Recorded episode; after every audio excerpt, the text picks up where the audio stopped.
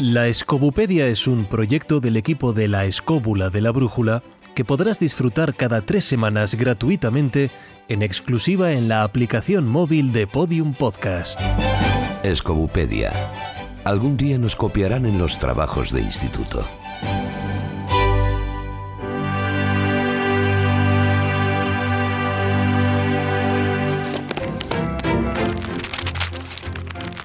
En el tomo de hoy, Grigori Yefimovich Rasputin, nacido en Pokrovskoye el 21 de enero de 1869 y fallecido en Petrogrado el 30 de diciembre de 1916, fue un místico ruso con una gran influencia en los últimos días de la dinastía Romanov.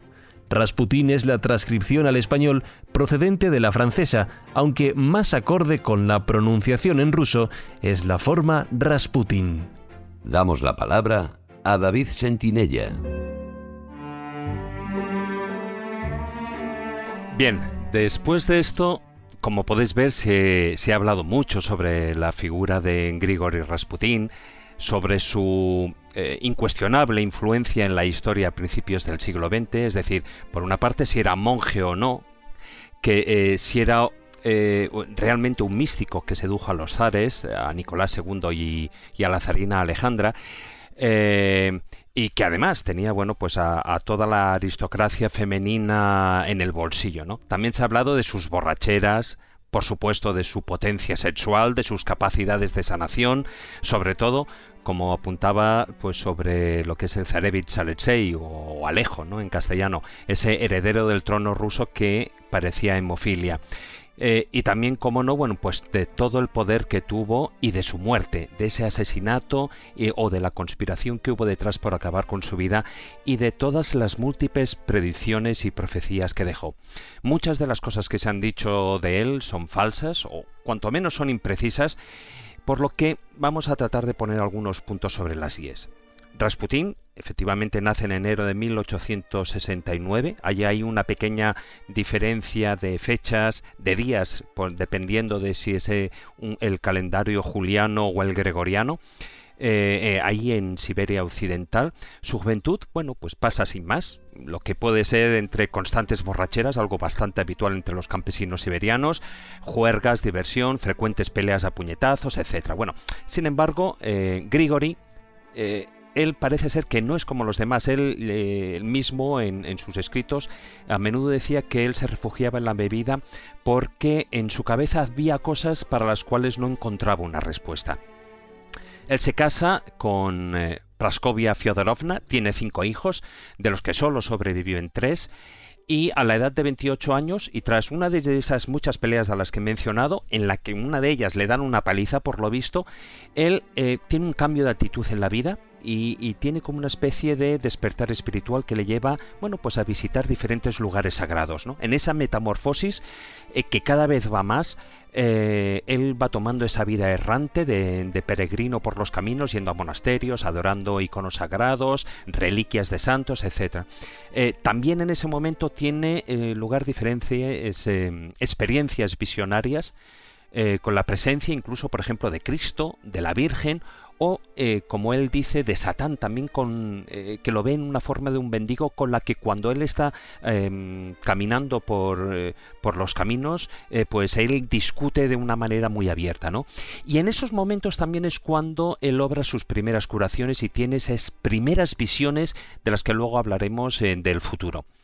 Pero paralelamente a esa vía digamos eh, oficial o ortodoxa, y nunca mejor dicho, él aprende esa otra religión, esa otra iglesia del pueblo que está constituida por un pasado pagano que va paralela a la iglesia ortodoxa oficial que subsiste en esa zona de, de Siberia, en la que hay curanderos, ancianos hechiceros, que conservan esa sabiduría ancestral de los remedios secretos, de los sortilegios, etcétera, de todas esas costumbres ancestrales.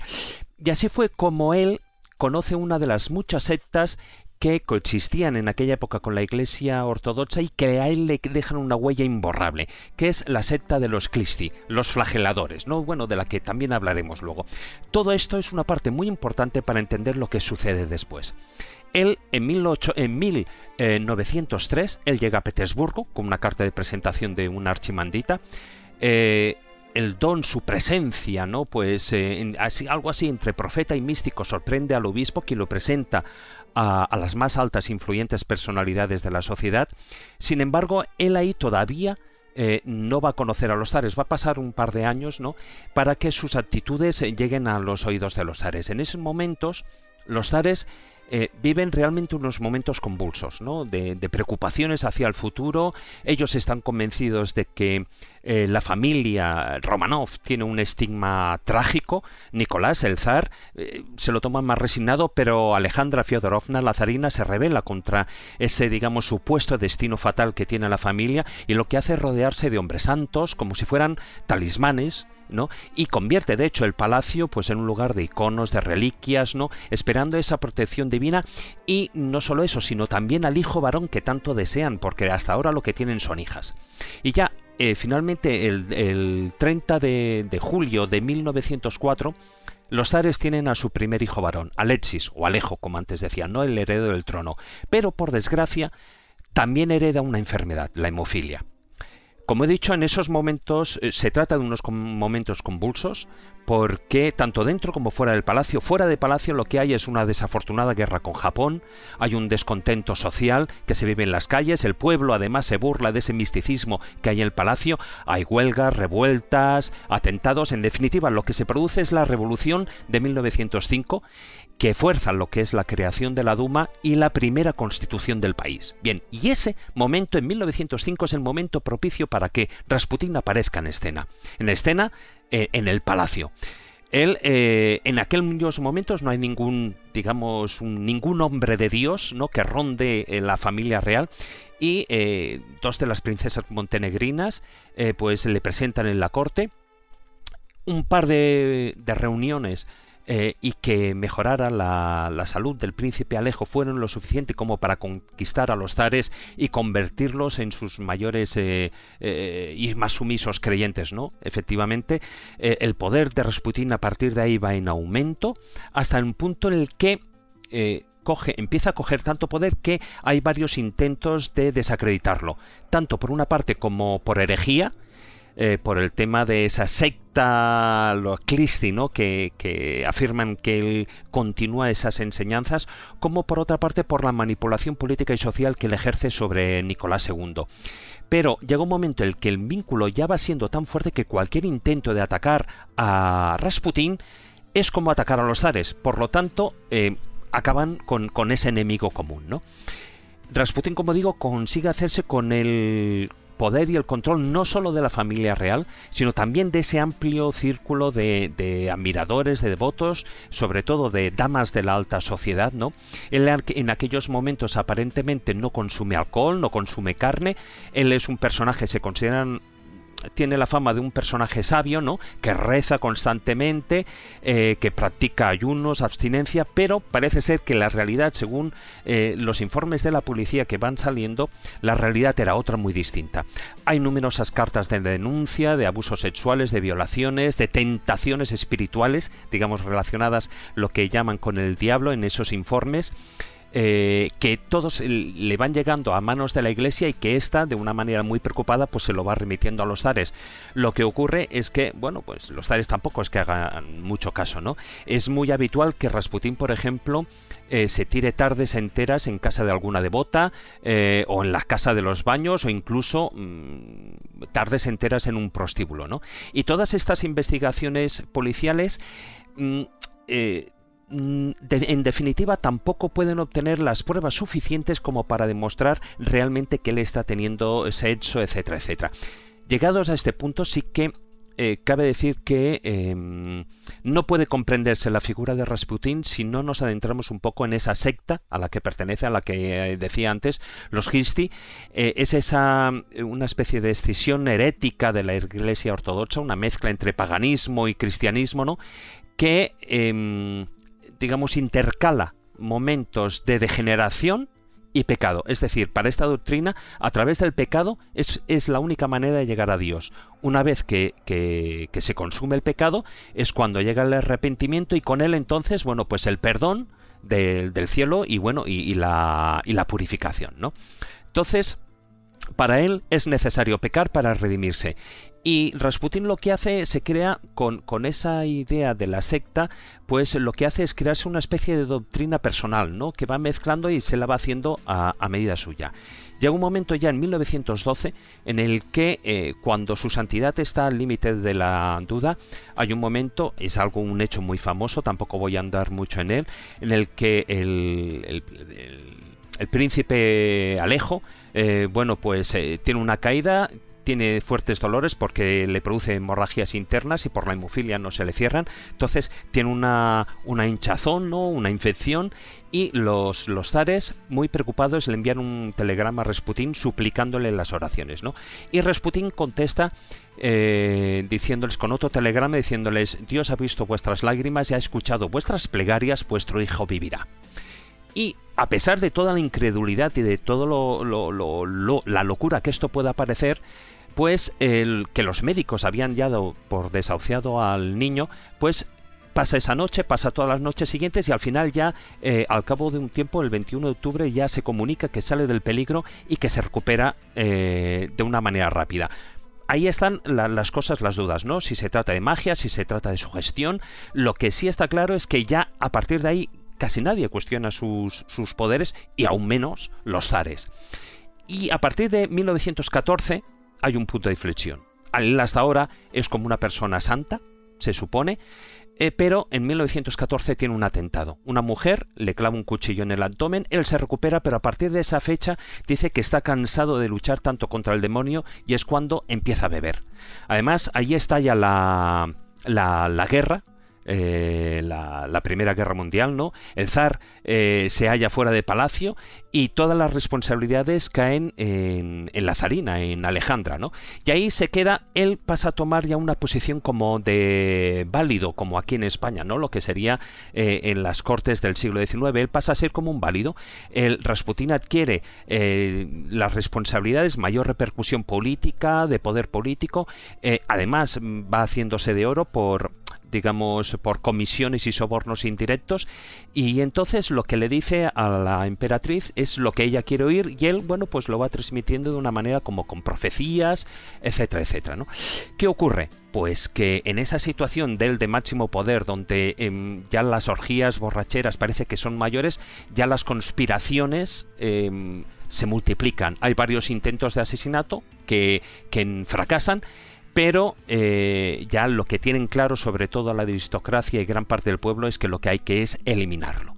Y a partir de ahí es donde, eh, bueno, pues se crea toda esa conspiración eh, donde hay varios nombres principales, uno de ellos el, el Félix Yusupov, el príncipe, su mujer Irina, que es posiblemente la excusa, la causa de, para que eh, Rasputín acudiera a ese palacio, el gran duque Dimitri, y luego también hay, em, bueno, pues se dice que, eh, que incluso los servicios secretos británicos están al tanto de, todo esto. Eh, sobre la muerte real de lo que sucedió a Rasputín hay muchas teorías.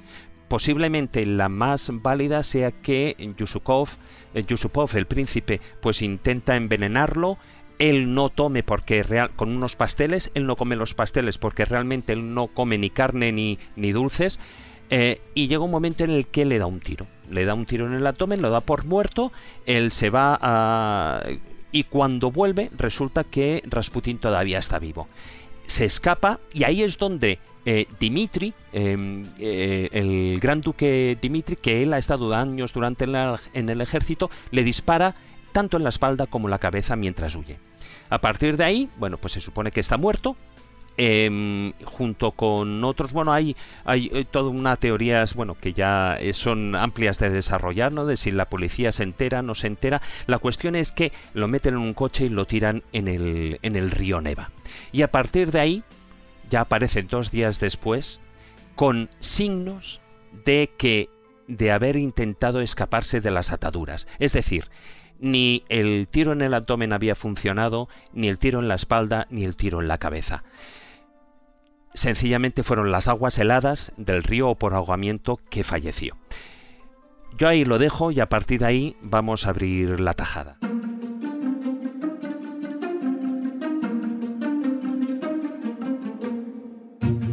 Hay ya dos cosas importantes en lo que ha dicho David que han, han, quedado ya bien claras en el discurso.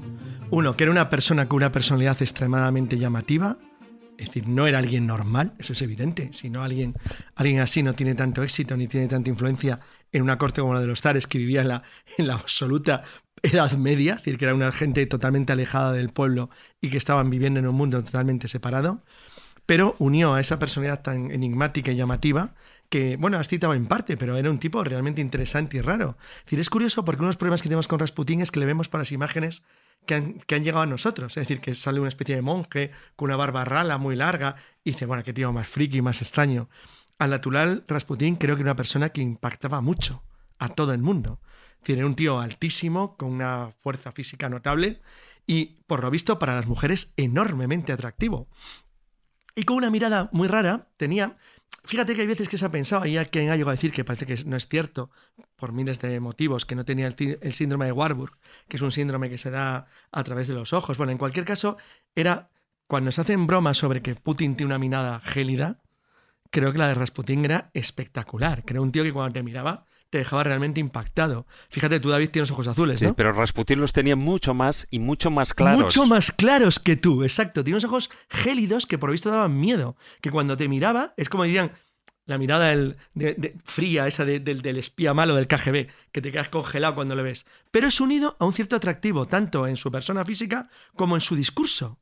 Creo que era, hoy sería probablemente un predicador de éxito. Era un tío que era capaz de impactar a la gente con el discurso que tenía que encima tenía un trasfondo político extremadamente interesante.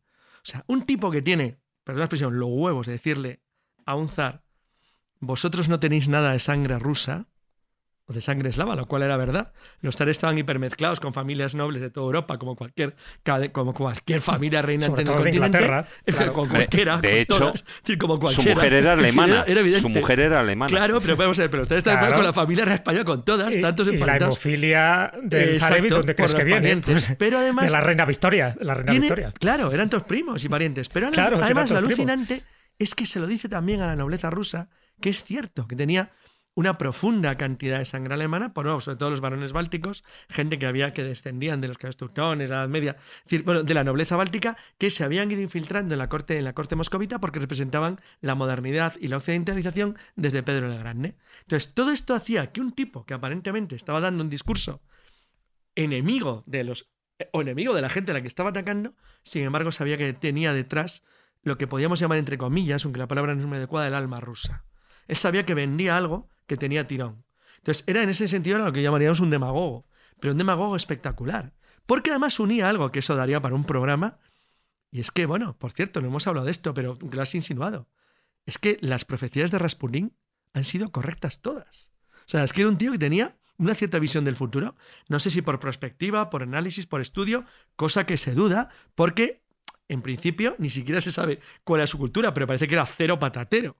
Con lo cual se trataba simplemente de aprendizaje de la vida, cuando se hizo monje, lo que fue escuchando, lo que fue aprendiendo y lo que era su intuición natural. En este sentido, aquí deja la pregunta para cualquiera, ¿un tipo con una intuición natural, sobrenatural, puede llegar hasta el extremo de infiltrarse en la corte de los zares de Rusia, que era lo más cerrado del puñetero planeta Tierra, y influirles hasta el extremo que no es que sea una leyenda, sino que es una realidad, de que les influyó de esa manera. Más luego las anécdotas que has contado de su muerte y demás, que yo creo que como mínimo es un personaje que llama mucho la atención y es digno de estudio.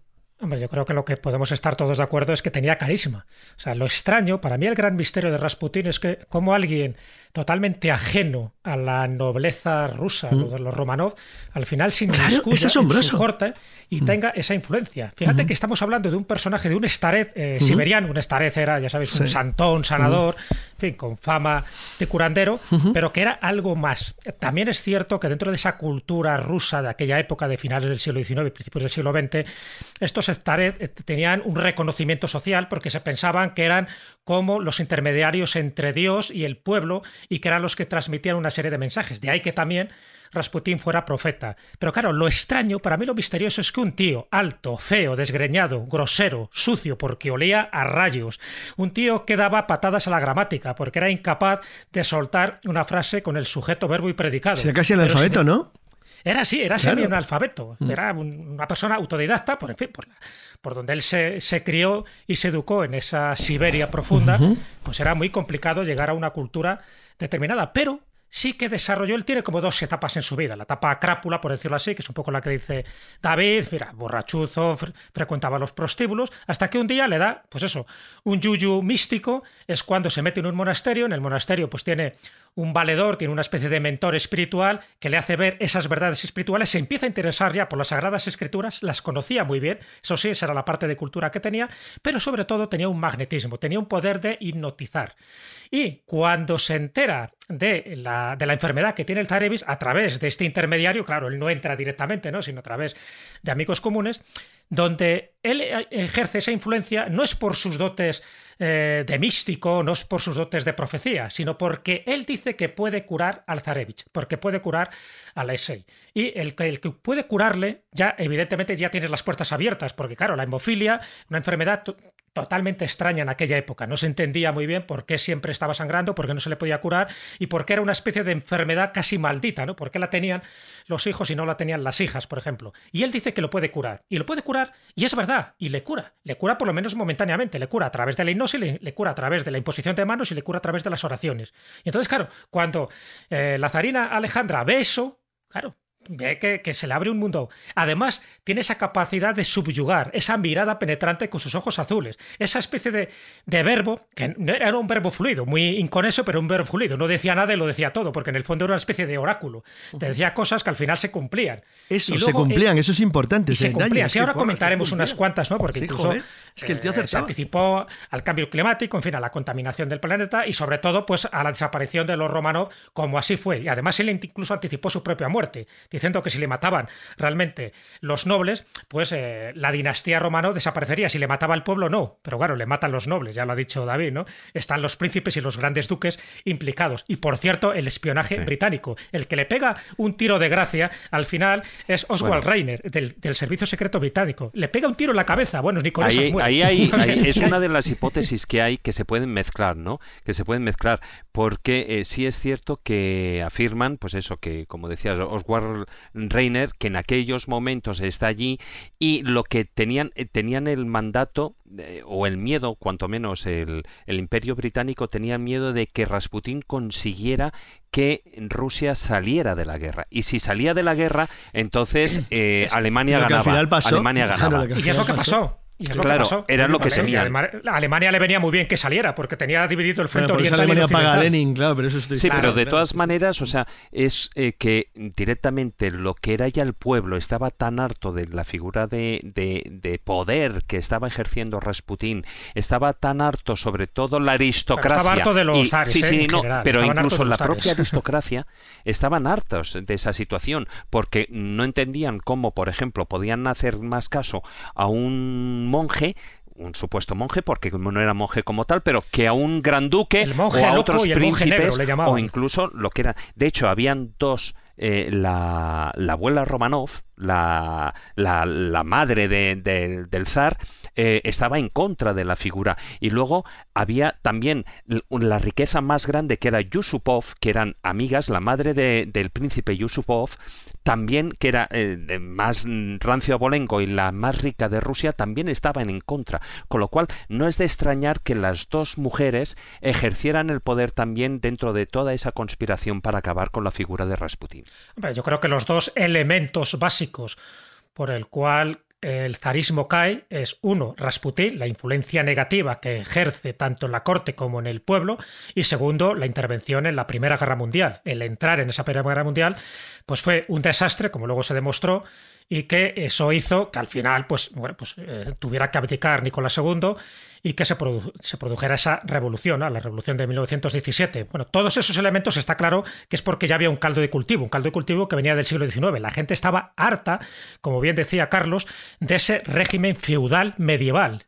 Y lo que hacía eh, Rasputín es aprovecharse de la credulidad, porque él aprovecha sus poderes supuestamente psíquicos y místicos. Como todos los, como todos los místicos de ese estilo, de toda la vida y condición. Es cierto, Pero es que además él es un místico raro, porque le daba el fornicio. En fin, ya sabemos un poco las habilidades. Él decía una frase famosa, ¿no? Dentro de las orgías en las que participaba antes, durante y después, que decía que se deben cometer los pecados más atroces porque Dios se siente más agradecido a la hora de perdonar a los grandes pecadores. Claro, con esa premisa, si lo dice encima el monje loco, el monje negro que era Rasputín, pues todo el mundo dale que te pego, ¿no?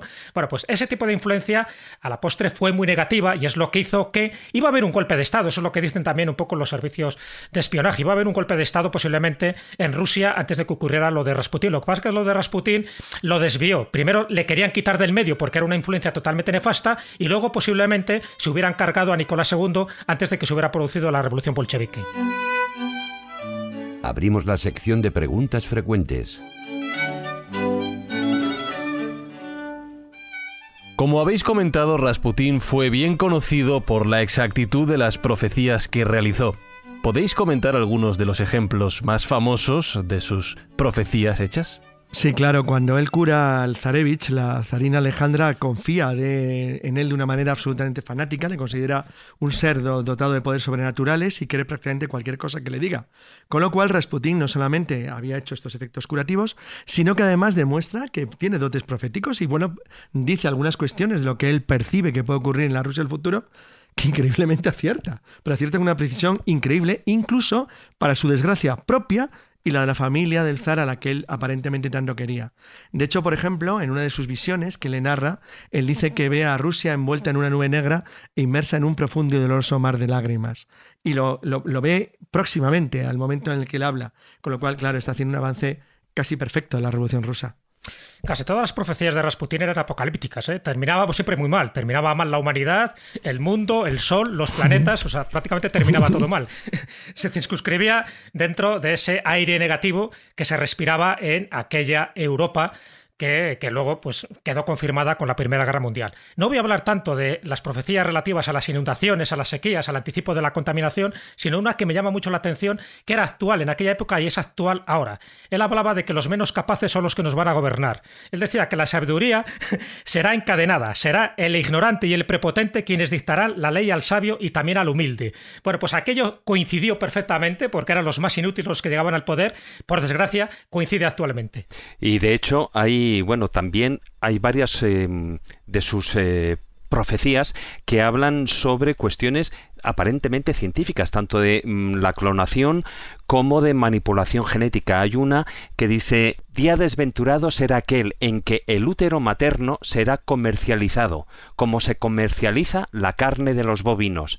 En ese tiempo, el hombre, criatura de Dios, se convertirá en criatura de la ciencia. Es cierto, pero Jesús ha de reconocer que no tiene huevos para decir que son unos inútiles gobernantes de Rusia actuales. no, no hay huevos. El que tenía huevos era Rasputín.